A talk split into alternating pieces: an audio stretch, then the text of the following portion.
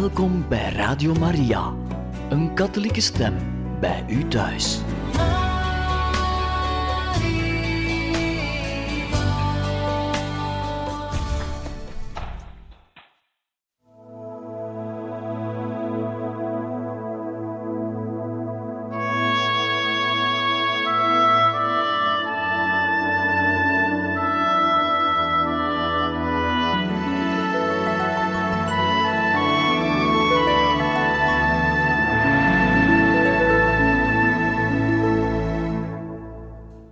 Beste luisteraars van Radio Maria, welkom in het programma Heiligen Getuigen.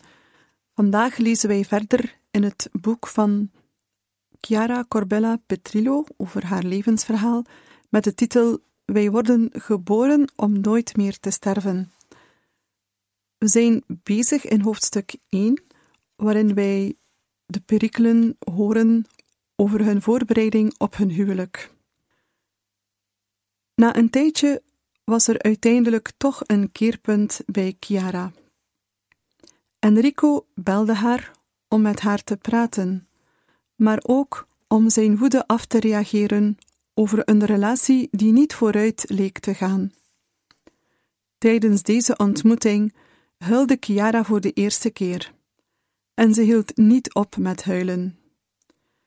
Op dat moment was Enrico echt geraakt hij zag mij zoals ik was.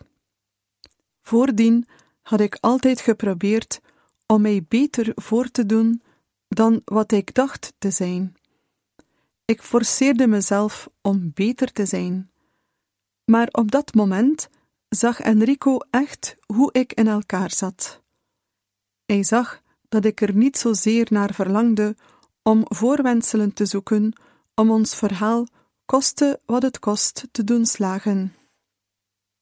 Ik stond zonder enige vorm van verweer voor hem, en ik dacht alleen maar: laten we eens zien wat er gebeurt.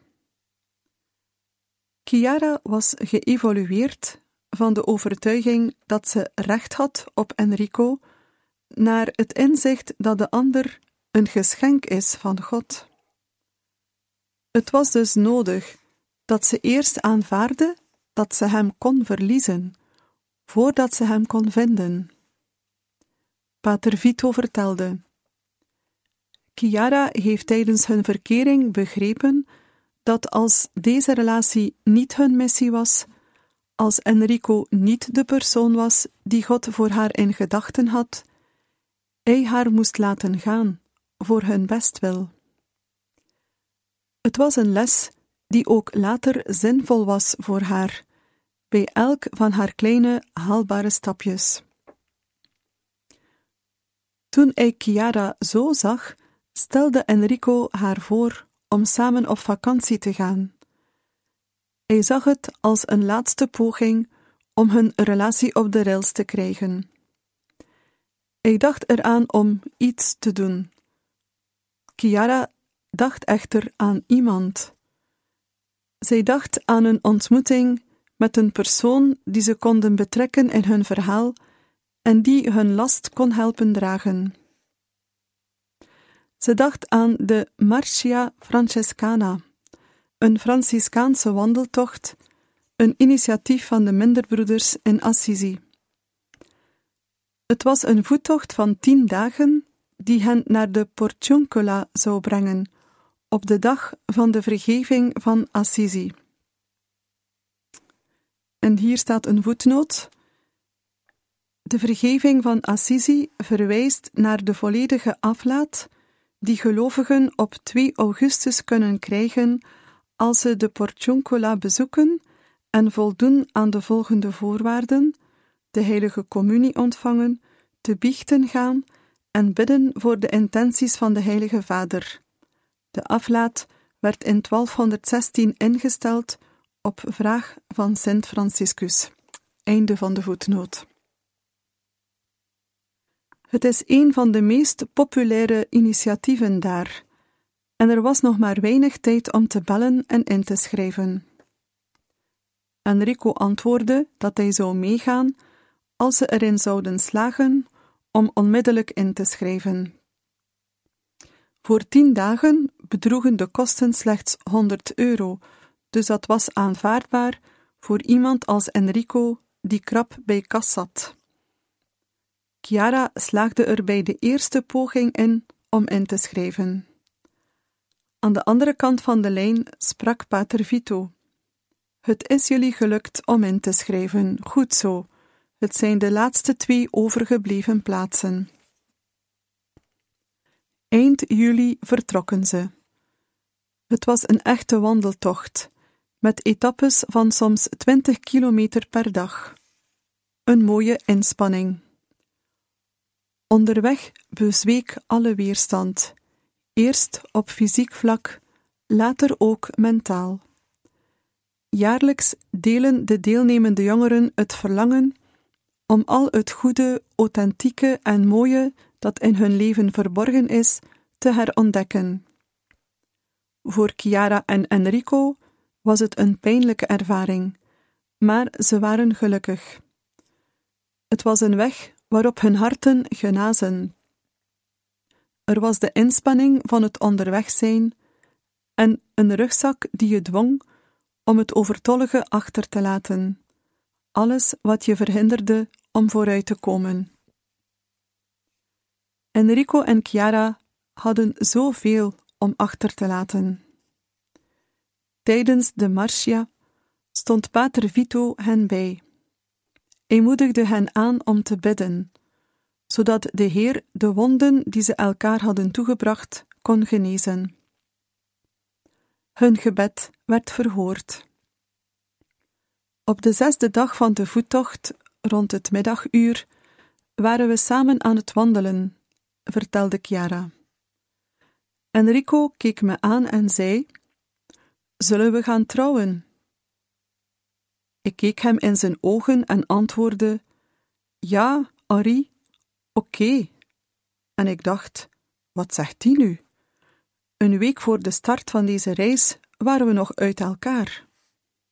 Maar hij stond erop: Nee, nee, ik ben serieus. Gaan we trouwen? En ik zei daarop: Ari, ja, goed, oké. En ik dacht: Die heeft een zonnesteek. Maar Enrico maakte geen grap. Hij verliet het pad, plukte een zonnebloem uit het veld naast de weg en ik kwam weer dichterbij. Ik ben serieus. Gaan we trouwen? Chiara keek hem aan. Ze antwoordde: Goed. En ze dacht: Wie weet of hij het zich morgenochtend nog herinnert en of hij het zich nog herinnerde. Hij begon het zelfs rond te vertellen. Enrico en Chiara hadden een relatie. Ze hadden ruzie gemaakt en waren uit elkaar gegaan. Meerdere keren zelfs. Als je naar hen keek, zag je niets bijzonders. Integendeel, ze waren uitgeput, boos en moe. Maar op een bepaald moment waren ze het beu en besloten ze om de dingen serieus te nemen. En ze kwamen tot het verlangen om ja te zeggen tegen elkaar. Ze keken vanuit een andere invalshoek, en dat veranderde alles. Ze verwelkomden een oude uitspraak, die tegelijk ook elke keer weer nieuw is. Het enige wonderlijke is dat we kinderen zijn van God. We moeten een keuze maken. We kunnen geloven in een Vader die van ons houdt, of we kunnen denken dat het leven een gokspel is. Toen ik Chiara zag huilen, was er iets in hem veranderd. Er was iets in hem gesmolten. Zijn hart had zich geopend. Hij was gekwetst door het leven en door de relatie met Chiara tot op dat moment. En hij verweet haar al het slechte dat was voorgevallen. Hij voelde zich in zijn recht staan om haar slecht te behandelen, om iets van haar terug te eisen. Chiara, herinnerde Pater Vito zich, was zijn kruisbeeld van San Damiano, het kruisbeeld waarvoor de jonge Franciscus besefte dat het echte slachtoffer iemand anders was. Het was de persoon die voor hem stond, die van hem hield, terwijl hij woedend tegenover haar stond. Wij die denken dat we slachtoffers zijn in het leven, zei Pater Vito, bekeren ons enkel voor hem, voor deze liefde. Iemand zien die zijn leven geeft voor jou, terwijl jij hem doodt, dat verandert alles. Een kind van God zien, dat verandert alles. Omdat het ons heel duidelijk toont dat je je leven schenkt of wegneemt. Als je niet lief hebt, dan dood je. En het eerste dat gebeurt, is dat het verlangen om een kind van God te worden hieruit voortvloeit. Het is een geschenk dat de Vader toekent aan iedereen die de Zoon in zijn leven opneemt, op alle mogelijke manieren waarop de Zoon zich wil tonen.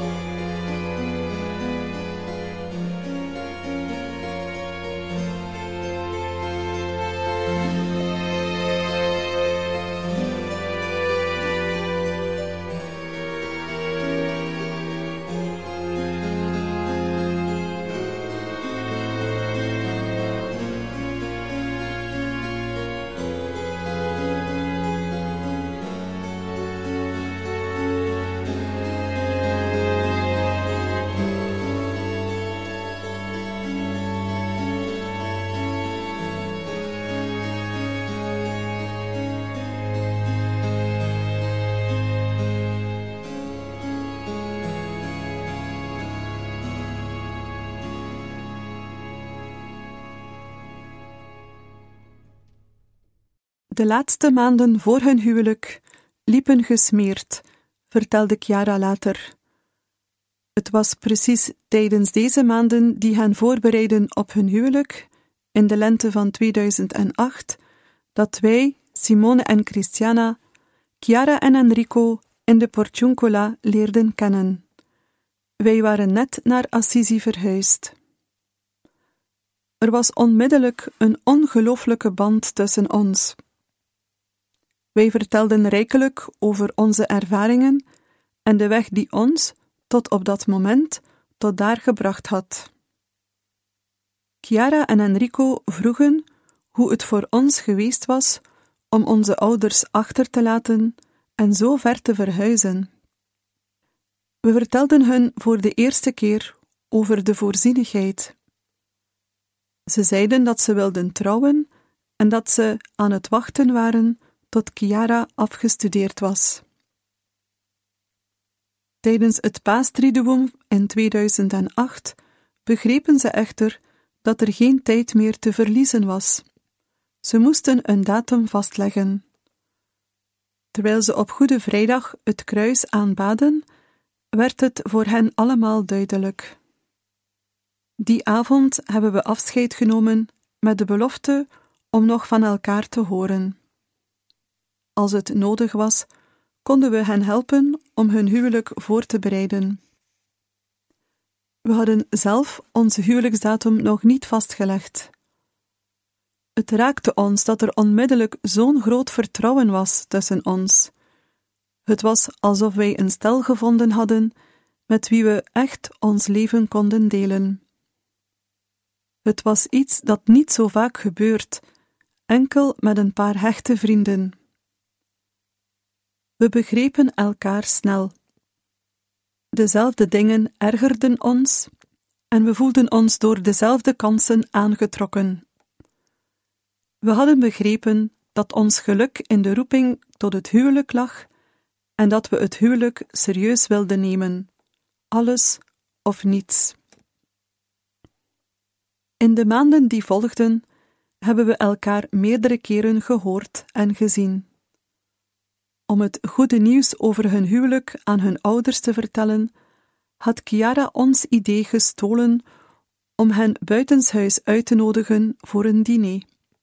Het was heel goed verlopen. We waren allemaal een beetje bang om een huis en werk te vinden, maar we moedigden elkaar aan. Chiara was bereid om zich toe te vertrouwen en om deze uitdaging aan te gaan. Eind mei vertelden wij dat we op 15 augustus zouden trouwen, iets meer dan twee maanden voor ons huwelijk. Ze waren heel erg verrast door onze beslissing, maar Chiara schreef aan Christiana dat ons hekkenwerk hen aanmoedigde in hun keuzes. En ze namen uiteindelijk een beslissing. Ze zouden op 21 september trouwen. Hoofdstuk 2 Leven en zich laten liefhebben. Het opschrift van dit hoofdstuk is een vers uit het Marcus-evangelie, hoofdstuk 9, vers 37. Wie een kind als dit opneemt in mijn naam, neemt mij op. En wie mij opneemt, neemt niet mij op, maar hem die mij gezonden heeft. Nog geen maand na hun huwelijk, op de terugweg van hun huwelijksreis, ontdekten Chiara en Enrico dat Chiara zwanger was. Ze waren verheugd over dit nieuws, maar ze verborgen ook hun ongerustheid niet. Chiara was nog bezig met haar opleiding politieke wetenschappen. Enrico was dus de enige die werkte, als fysiotherapeut voor terminaal zieke kankerpatiënten. We vroegen ons af of het ons zou lukken om vooruit te komen, om alle kosten te kunnen dragen die nodig zouden zijn. Maar aangezien de Heer ons ook geholpen had bij ons huwelijk, waren we er zeker van dat Hij ook ons bij deze zwangerschap zou helpen. Chiara had geen eigen arts. Toen het moment van de eerste onderzoeken aanbrak, dacht ze terug aan een getrouwd stel dat ze hadden leren kennen terwijl ze een huis zochten en reageerden op een aankondiging van verkoop. De vrouw, Daniela, was een gynaecologe en Chiara had onmiddellijk een goede band met haar. Het gebeurde in een flits. We waren hun huis nog maar net binnen en voelden ons al direct heel welkom. We zagen foto's van hun missie in Peru en dat raakte ons echt. Ook Massimiliano, de echtgenoot van Daniela, was onder de indruk van deze twee jonge mensen. Toen ze die avond afscheid namen, voelde hij de behoefte om hun iets te geven dat hen kon helpen. Hij wist dat ze zouden trouwen en hij gaf hun een visitekaartje van zijn vrouw. Hij zei: Ze is gynaecologe. Ze is gespecialiseerd in, verlos in verloskunde. Ik geef jullie haar kaartje voor het geval het jullie in de toekomst zou kunnen helpen. En zo gebeurde het. Vanaf het moment dat Chiara zwanger was, sprak ze Daniela aan. We zagen Chiara en Enrico toen ze vanuit Rome naar Assisi gekomen waren om de zwangerschap toe te vertrouwen aan de handen van Maria in de kapel in de Porcioncola.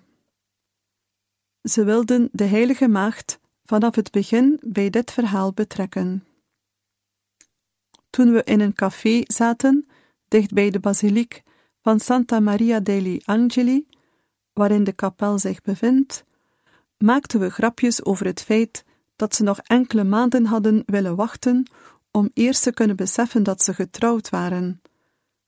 Ze waren heel blij, maar er was iets in Chiara's manier van doen dat ons trof en ons een beetje ongerust maakte. Ze verwachtte een kind, maar ze was heel ernstig, in gedachten verzonken. We vroegen haar of het was omwille van de onverwachte zwangerschap, die haar misschien snel ineens volwassen deed worden. Maar ze zei ons dat ze zich vreemd voelde, alsof dit kind niet het mijne is, alsof het niet voor mij is. Haar ernst verbaasde ons, zo erg zelfs dat we die nacht aan niets anders konden denken. In de daaropvolgende dagen speelde deze zin steeds door ons hoofd, als een uitnodiging om voor hen te bidden.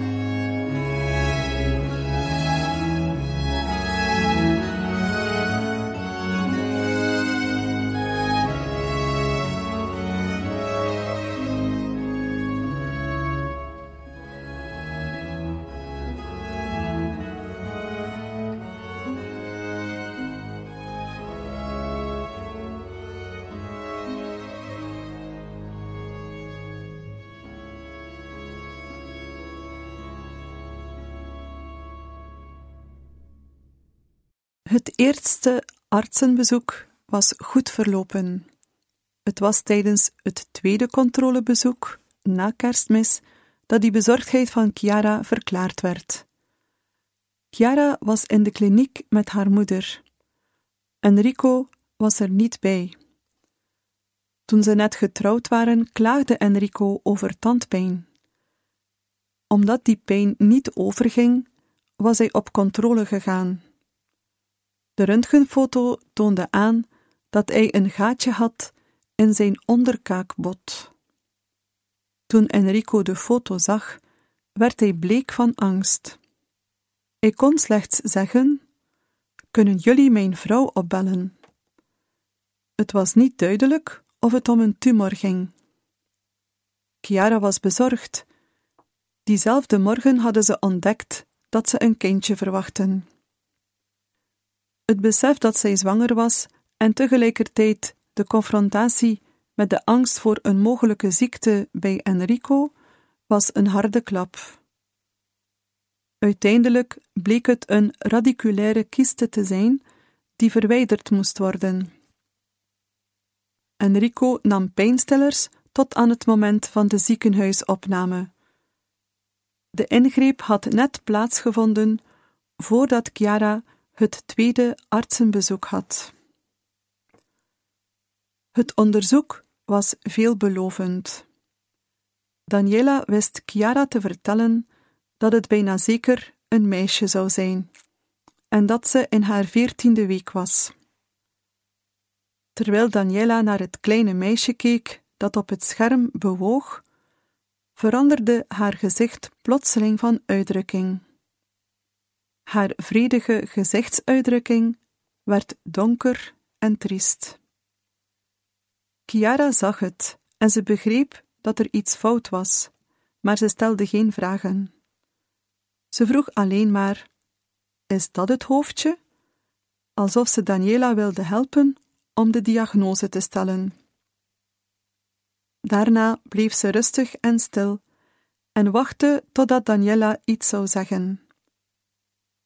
Met pijn in het hart gaf Daniela uitleg aan Chiara. Kijk, Chiara, jammer genoeg is er een ernstige misvorming die niet behandeld kan worden. Ik kan je niet meer zeggen, omdat er eerst een echografie op het tweede niveau nodig is om de omvang van de aantasting te zien en te begrijpen of er ook andere organen betrokken zijn. De diagnose was anencefalie. Het meisje had geen schedel. In dit geval stond de wet een therapeutische abortus toe. Johannes Paulus II schreef dat het lichaam geschapen werd om het verborgen mysterie van de eeuwigheid in God over te brengen naar de zichtbare realiteit van de wereld en er zo een teken van te worden. Het lichaam zegt dat wij gemaakt zijn om onszelf weg te schenken, om liefde te geven en te ontvangen. In dit kleine lichaampje dat zich voortbewoog in Chiara's buik, zat alle behoefte en nobelheid van deze missie vervat. Daniela vroeg aan Chiara of haar man haar buiten opwachtte. Chiara bleef sterk en rustig en antwoordde van niet. Daniela was onder de indruk van haar kalmte. De arts herinnerde zich dat Chiara geen enkel moment getwijfeld had over haar beslissing om het kind al dan niet te houden. Toen ze naar buiten ging, hulde Chiara in de armen van haar moeder, Maria Anselma, die op haar wachtte in de wachtruimte. Op dat moment klonk in haar hoofd een koor van mensen die allemaal hetzelfde zeiden. Natuurlijk zullen jullie een gezond kindje krijgen, dat is toch vanzelfsprekend. Maar de gedachte die zich in haar een weg baande, was een andere. Ik wist dat de Heer altijd een ander plan had voor ons. Niet alles gaat altijd zoals wij het verwachten. Op dat moment was mijn enige zorg: hoe vertel ik dit nu aan mijn echtgenoot? Toen ze verloofd waren, hadden ze er allebei voor gekozen om volgens het evangelie te leven. Ze hadden de genade ontvangen om Jezus te ontmoeten en ze hadden een groot verlangen om Hem tegemoet te gaan. Maar in het concrete leven was dat nog iets anders, vooral als het nodig was om een ja te zeggen die pijn deed. Een paar uur later, terwijl Enrico nog aan het herstellen was, onderging Chiara op vraag van Daniela een grondiger onderzoek. Deze keer was de echografie driedimensionaal en in kleur. Het beeld van Maria Grazia Letizia was heel scherp. Ze bewoog, ze zoog op haar vinger en schopte. Maar je kon ook heel goed het probleem zien. Het kleintje had geen schedel. De dienstdoende arts zei tegen Chiara dat hij nog iets had kunnen doen als ze eerder voor een echografie waren gekomen. Om de ziekte te voorkomen? vroeg Chiara. Nee, om een abortus uit te voeren, antwoordde hij. Voor Chiara, die haar dochter net had zien bewegen, was het een zware klap om dat te horen. Het was evident, logisch en duidelijk dat Maria niet zou overleven na de geboorte. Maar aan de andere kant was het ook duidelijk dat ze leefde, dat ze daar was en dat ze alles deed om te groeien. Ik voelde er niets voor om tegen haar in te gaan. Ik verlangde ernaar om haar zo lang als ik kon te steunen, en niet om het van haar over te nemen. Chiara ging naar huis. Alleen, want Enrico was nog in het ziekenhuis. Hij belde haar op, maar zijn vragen waren wat vaag, omdat hij nog suf was van de verdoving. Haar man wilde weten of het een jongen of een meisje was. Voor Chiara was het een geruststelling dat hij niets anders vroeg. Ze verzon dat het toestel voor de echografie kapot was en dat ze het onderzoek opnieuw moesten doen. Die nacht kon ze niet slapen. Het was een heel moeilijk moment. Ze vroeg zich af waarom God dit had toegestaan in haar en Enrico's leven. Ze hadden altijd geprobeerd om Gods wil te doen. Ze verweet zichzelf dat ze te weinig attent was geweest, dat ze dingen verwaarloosd had. Ze gaf zichzelf de schuld van wat er gebeurde. Ze zou de zwangerschap doorzetten, daar twijfelde ze niet aan. Maar de dokter, die de laatste echografie deed, had haar aangekeken alsof ze gek was toen ze dat zei. De pijn was immens. Beste luisteraars, wij beëindigen hier voor vandaag het voorlezen uit het boek Wij worden geboren om nooit meer te sterven, het verhaal van Chiara Corbella Petrillo. Wij danken u heel hartelijk voor het luisteren en graag tot een volgende keer.